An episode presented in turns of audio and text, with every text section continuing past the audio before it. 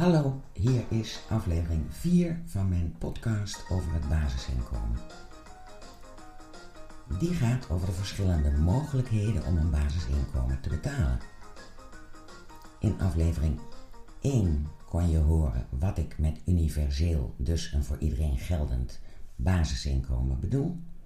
Ik bedoel 1000 euro per Nederlander per maand en voor kinderen of hun verzorgers de pleegkindvergoeding. Zij hebben er vast bij de overheid diep over nagedacht wat een kind werkelijk kost, daarom die pleegkindvergoeding. Mijn idee is dat dit bedrag het minimum is voor eten, drinken, kleding, een dak boven je hoofd en verzorging en medische hulp bij ziekte. Ik noem het het criminelenpakket, omdat gevangenen het in de gevangenis ook krijgen, maar dan in natura. Dus ik ga ervan uit dat iedereen dat aan iedereen wel gunt. Voor iedereen hetzelfde criminele pakket. Klusten lekker bij, dat mag van de wet. Eten, drinken, kleren, warme kamer en een bed. Verzorging en een dokter als je het zelf niet redt met cash. Ieder maandelijks cash. Bedankt aan de corona-crash. Ieder duizend euro cash. Ieder duizend euro cash. Ieder duizend euro cash.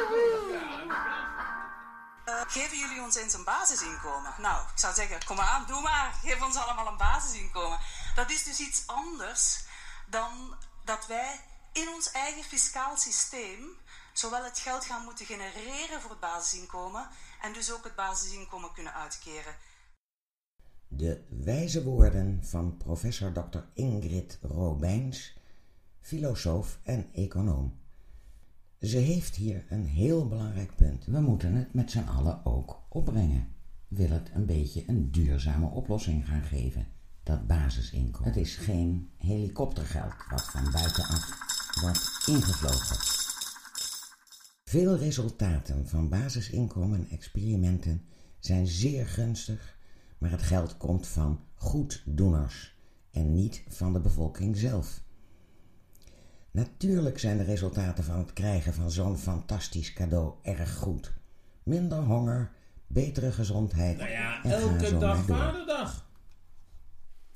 Oké. Huh? Wat er? Of moederdag, ook goed. Ik heb hier wel even een vakje. Ah, fijn, een stoorzender. Niks fijn, ik ben hier de stoorzender. En wat is dat? Een fuckje? Nou zeg, dat weet toch iedereen? Dat is een frequently asked question. Een veelgestelde vraag dus. Aflevering 4 is nog niet begonnen. Of Bibi heeft een vakje. Bibi? Ja, prima na- bijnaam. Dat is de afkorting van basisinkomen.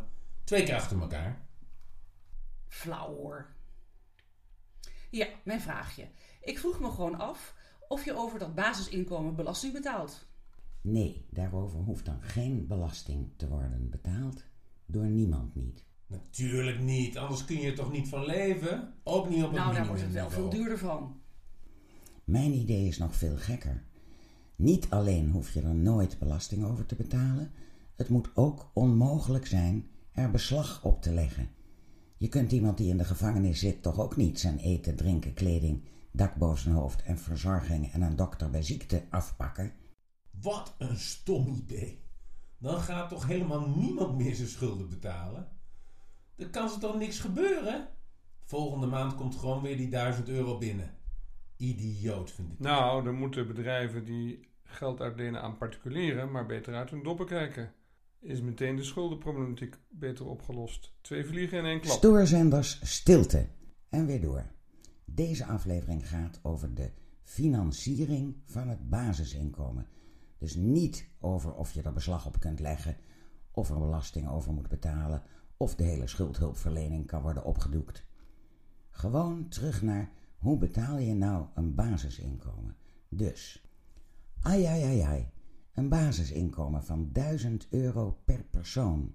Wat moet dat wel niet kosten? Met 17,5 miljoen mensen keer 1000 euro per maand is 17,5 miljard per maand. Keer 12 maanden is 210 miljard. Nou ja, iets minder. 24 miljard minder, want kinderen krijgen minder. Voor kinderen had je toch de pleegkindvergoeding. Die ligt tussen de 574,57 euro en 707,49 euro per maand.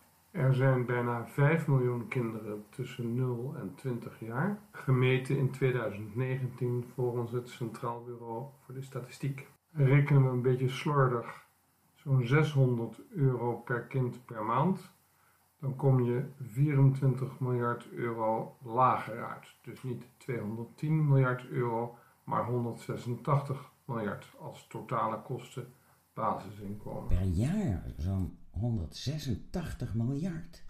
Dat is 186 met 9 nullen erachter. Geen wonder dat veel deskundigen roepen dat dat onbetaalbaar is. Wie gaat dat betalen en kunnen betalen? Maar er is één troostrijke gedachte. Eigenlijk hebben bijna alle Nederlanders nu al wel ongeveer zo'n 1000 euro per maand te besteden. Je zou kunnen zeggen het is er al, maar niet individueel en zeker niet onvoorwaardelijk en verstikt in heel veel verplichtingen en voorwaarden.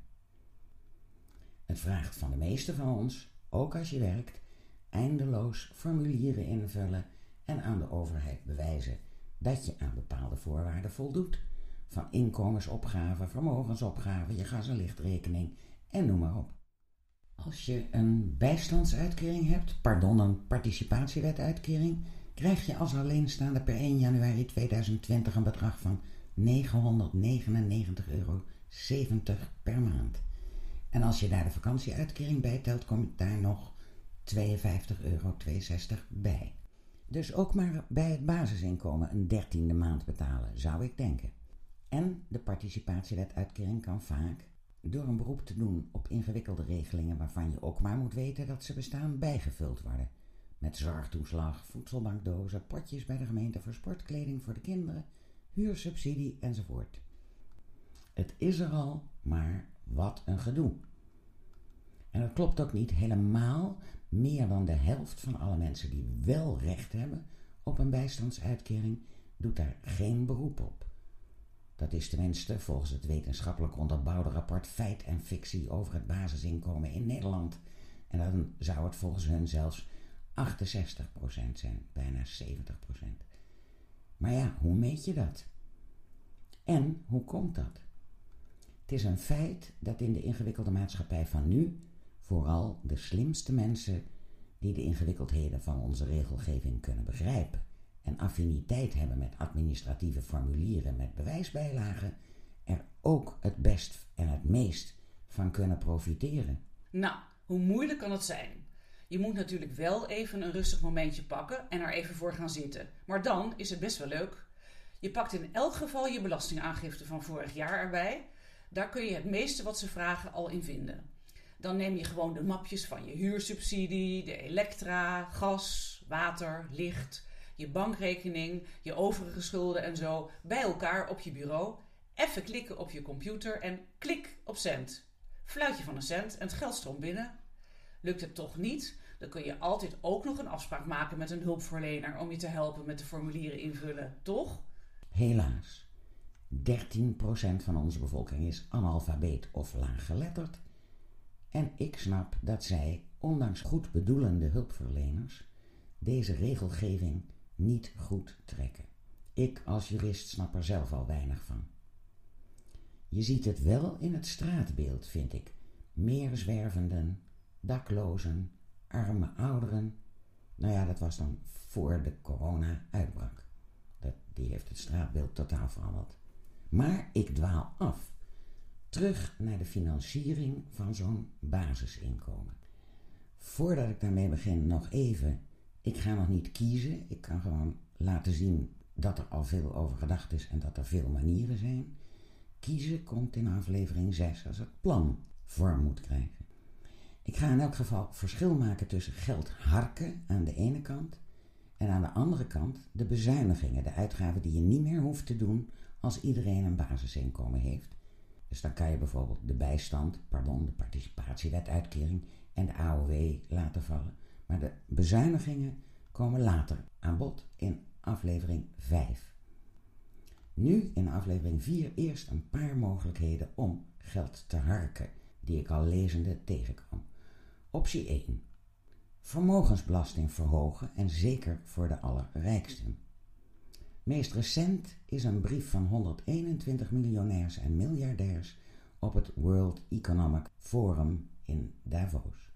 Zij pleiten voor hogere belastingen voor de superrijken en zij pleiten ervoor een eind te maken aan belastingontwijking. Onder hen ook de voormalige topman van Unilever, Paul Polman. Een andere miljonair, Frank Jernigan, diende in Amerika een voorstel namens veel rijken in, getiteld Tax Me. In goed Nederlands, laat mij nou ook eens meer belasting betalen. Eerder lanceerde de zakenman Warren Buffett, die behoort tot de top drie rijksten ter wereld, al een dergelijk voorstel. Met een groep miljonairs en miljardairs roept hij andere superrijken in een petitie op stelling te nemen tegen belastingontwijking en in te stemmen met belastingverhogingen voor de allerrijksten. In 2018 verscheen een rapport van het Internationaal Monetair Fonds, IMF, waarin werd vastgesteld dat 15 biljoen dollar aan zogenaamde buitenlandse investeringen is weggesluist in lege BV's die geen enkele economische activiteit dienen. En zeker 8 biljoen dollar aan vermogen, dat is wel 10% van de hele wereldeconomie, zit verborgen in belastingparadijzen. Als we het internationaal wat beter zouden kunnen regelen met die belastingen, moet hier wel wat geld te harken zijn. Volgens Oxfam ontduiken superrijken tot 30% van de belasting die ze zouden moeten betalen. Maar goed, dat is wel ingewikkeld, want internationaal. Maar ook in Nederland is er wel wat geld op te halen door vermogen meer te belasten. Onder optie 1 reken ik ook maar gemakshalve of snelheidshalve dividendbelasting verhogen, dat is het inkomen op je vermogen, of direct bij de bedrijven de winst meer te belasten. Vermogensbelasting verhogen, dat is dus optie 1. En de regering is er al druk mee doende, al denk ik niet dat ze de opbrengst aan het basisinkomen gaan uitgeven. Het is raar maar waar. Onder de vermogensbelasting valt in Nederland op dit moment niet het enorme pensioenvermogen dat we met z'n allen hebben opgebouwd. En ook vaak niet het vermogen dat in familiebedrijven zit. En je krijgt ook lang uitstel van belastingbetaling als zo'n familiebedrijf op de volgende generatie overerft. Wauw, als je over het pensioenvermogen vermogensbelasting zou heffen. Het pensioenvermogen is ongeveer 1500 miljard euro bruto. Nou, zeg maar netto om te rekenen zo'n 60% daarvan. Dus 900 miljard euro netto. Hierover 1,2% vermogensbelasting is een opbrengst aan vermogensbelasting van bijna 11 miljard. Dat schiet lekker op. Een tweede optie waarover ik las is het invoeren van een transactiebelasting, een belasting op elke aan- en verkoop. Ik citeer hier meneer Sig, ex-bondraadsspreker in Zwitserland. Hij zegt: Het onvoorwaardelijk basisinkomen zou door middel van een nieuw soort microbelasting gefinancierd kunnen worden, zonder dat het iemand een centje pijn doet. Het betalingsverkeer, dat 300 keer groter is dan het Zwitsers bruto nationaal product, zou je bijvoorbeeld met 0,05% kunnen belasten, zei zich. Het basisinkomen zou daarmee gefinancierd zijn naar het beginsel wie het meest geld gebruikt, transacties doet, betaalt meer. De transactiebelasting werd uitgevonden door de financiële ondernemer Felix Bolliger de docenten Mark Chesney en Anton Gunzinger die zich ontwikkelden in een half jaar tijd de automatische microbelasting op het totale betalingsverkeer. AMTD. Als alternatief voor het huidige complexe Zwitserse stelsel.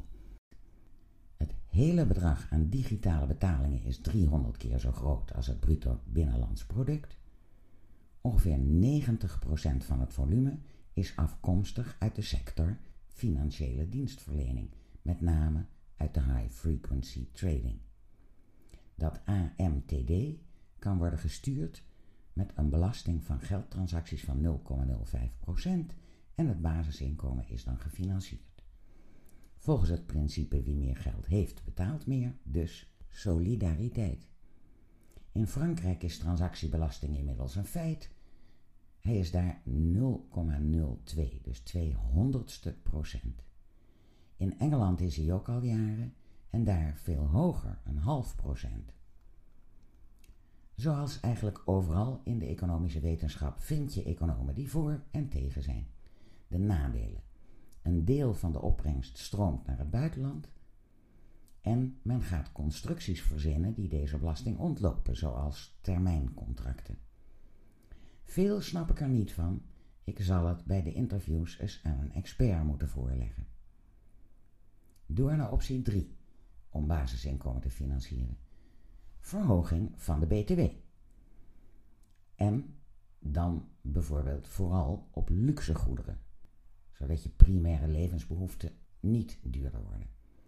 Er zijn al verschillende tarieven voor verschillende groepen producten en diensten, dus de politiek kan hier best een beetje schuiven. Optie 4. Een robotbelasting invoeren. Robots, maar dan in de meest ruime zin van het woord, dus ook het chipje in je telefoon. Een accijns dus, net als op benzine, tabak en alcohol. Nou, één voordeel, accijnzen kun je heel goedkoop innen. Maar hoe bepaal je nu wanneer een machine een robot is? En je er dus robotbelasting op heft? Want er is bijna geen bedrijf, of ze gebruiken wel technologie, of bouwen op bestaande technologie voort. Door de Turing-test, dat leg ik wel even uit.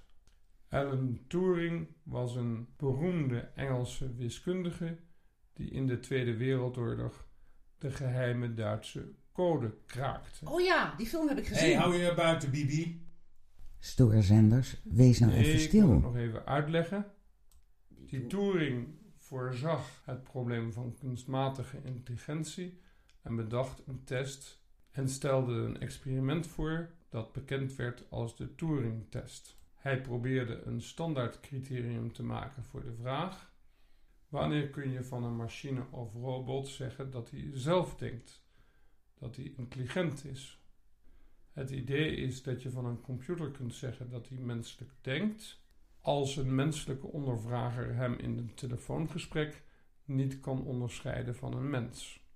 Je kent de omgekeerde Turing-test vast wel, de zogenaamde CAPTCHA-test. Die moet je vaak op internet doen om te laten zien dat je zelf geen robot bent. Je moet dan willekeurig gevormde letters overtypen of een stoplicht op een foto aan. Nou, ik heb het idee dat we weer behoorlijk aan het afdwalen zijn, hoor. Nou, ik leg wel een criterium uit wanneer je op een apparaat robotbelasting kunt heffen. De redenering achter belasting heffen op robots is dat het robots zijn die voor banenverlies zorgen en van die winst die dat efficiënt zijn van robots oplevert, best een stukje kunnen afstaan. Het werd gezegd door meneer Andrew Yang, een presidentskandidaat in de Amerikaanse verkiezingen die inmiddels is afgehaakt. Hij dacht niet alleen op robots, maar ook op alle elektronisch verkeer belasting te kunnen gaan heffen. Vooral nu het online shoppen enorm is toegenomen en 30% van de winkels daardoor aan het verdwijnen is. Hij voorspelt ook dat het beroep van chauffeur gaat verdwijnen met de opkomst van de zelfrijdende auto's en vrachtwagens. Belasting dus op de zelfrijdende auto, hardware en software. Dan heb ik bij elkaar genomen optie 5 en optie 6 om het basisinkomen te financieren. Kun je het basisinkomen niet betalen door simpelweg aan de geldpers te draaien of overheidsschuld te maken? Lenen van de burger of op de internationale markt. Alleen al in Nederland komt er elk jaar 30 miljard bij aan geld. In de periode 2008 tot 2016 hebben de wereldwijde centrale banken 12 biljoen dollar gecreëerd. Een 12 met 12 nullen erachter. Een 12 met 12 nullen? Ja, dat zeg ik toch? Even een frequently asked question. Vakje. Ja, een vakje. Hoeveel geld werd er dan per persoon per jaar gecreëerd? Ik leg het wel even uit. In 2016 was de wereldbevolking 7,5 miljard personen groot. Een 7 met 9 nullen. Het gaat hier dus om wereldwijd 200 dollar per persoon per jaar. In Amerika ligt dat bedrag natuurlijk hoger en in arme landen lager. De Federal Reserve Bank creëerde in 2016 zo'n 2062 dollar per persoon per jaar. Dat lijkt me niet genoeg voor een basisinkomen. Belangen Alle daar beetjes helpen? Stoorzenders, economen zijn erg verdeeld over het effect van het aanzetten van de geldpers. Opnieuw een vraagje voor een interview met de financiële expert. In elk geval is de rente nu lekker laag. En ja, Wouter Bos kreeg recentelijk 2,3 miljard om durfinvesteringen te doen. Maar ik denk niet dat een proef met basisinkomen hem de portemonnee doet trekken. Bij deze optie geldt pers of lenen, roepen economen let op, dan neemt de inflatie toe.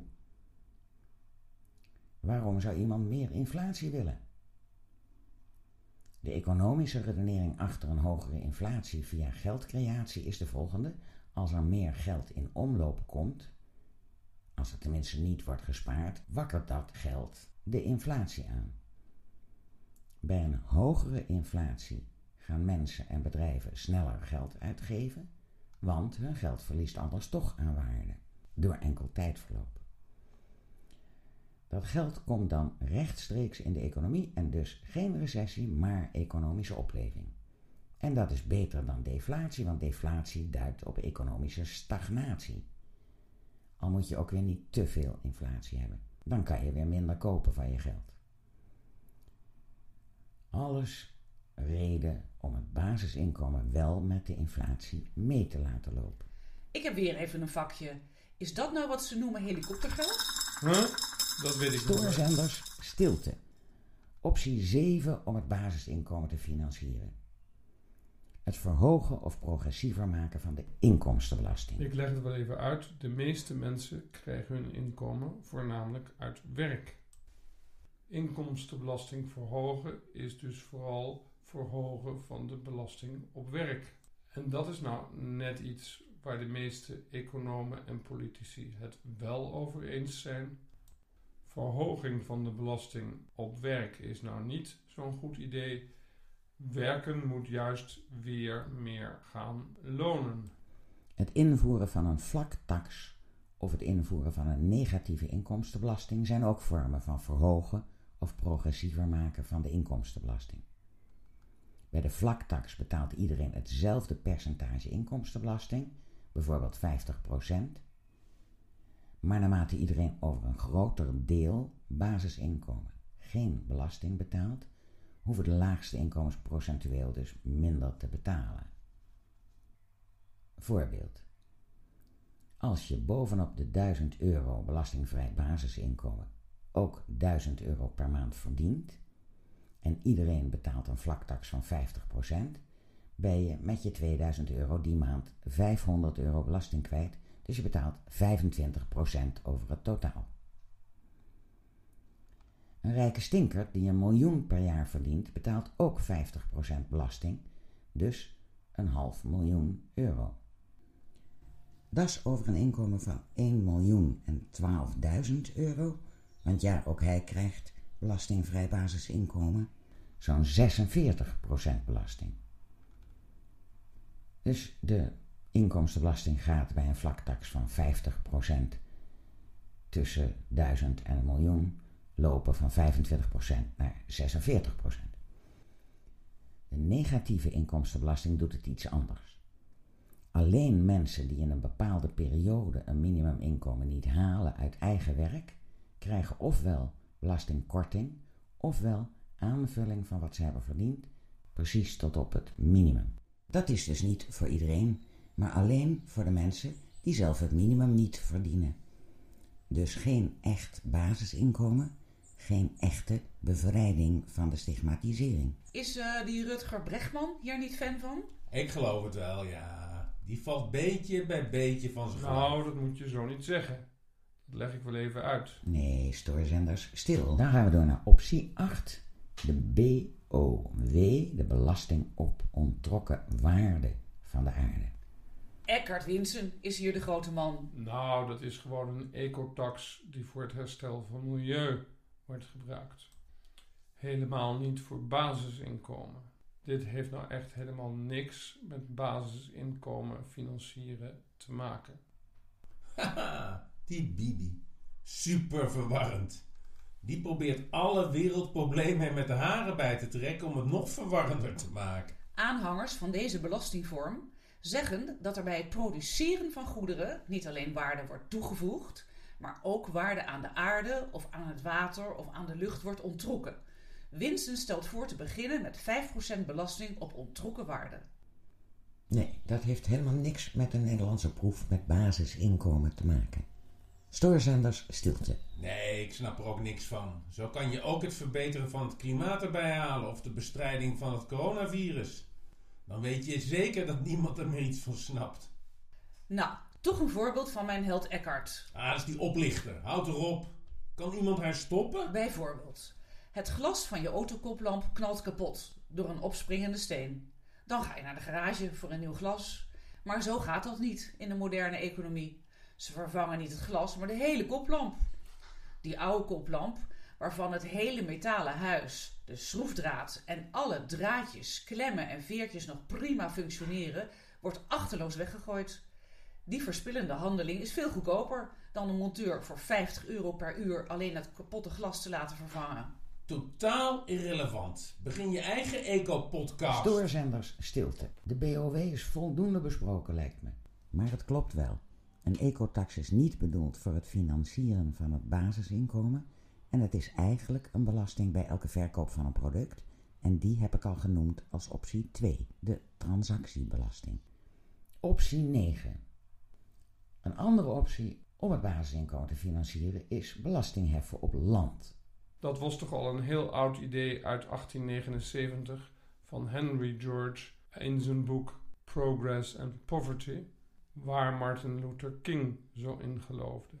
Ja, ja. Ah, dat is een prima plan. Grond kan de grens niet overlopen en ons kadaster is vrij goed op orde. Dus erg moeilijk kan dat ook niet zijn. De politiek zal wel een beetje moeilijk doen, want je komt aan een heilige koe van gemeentes en provincies. De gemeente heft al ongoedbelasting. En niet alleen op grond, maar ook op de gebouwen. En die verschilt per gemeente. En nog even los van het gedoe met de bepaling van de WOZ-waarde, is er ook veel grond bij de gemeente in eigendom. En er is een berg procedures, ook met de provincies, over de bestemming van dat land en gespeculeer. Ja, ja, grond waar je op mag bouwen is natuurlijk veel meer waard dan akkerland of weiland. Lijkt belasting op grond niet op inkomen voor iedereen uit delfstoffenwinning, zoals ze dat in Alaska kennen? Nee, helemaal niet. Om daarop te lijken zou je de opbrengst van het land moeten belasten. Dat is heel ingewikkeld. Ik heb daar wel een vakje over. Welke delfstoffen heeft Nederland nu het gas bijna helemaal is Ik afgesloten? krijg hier schoon genoeg van stoorzenders. Stilte.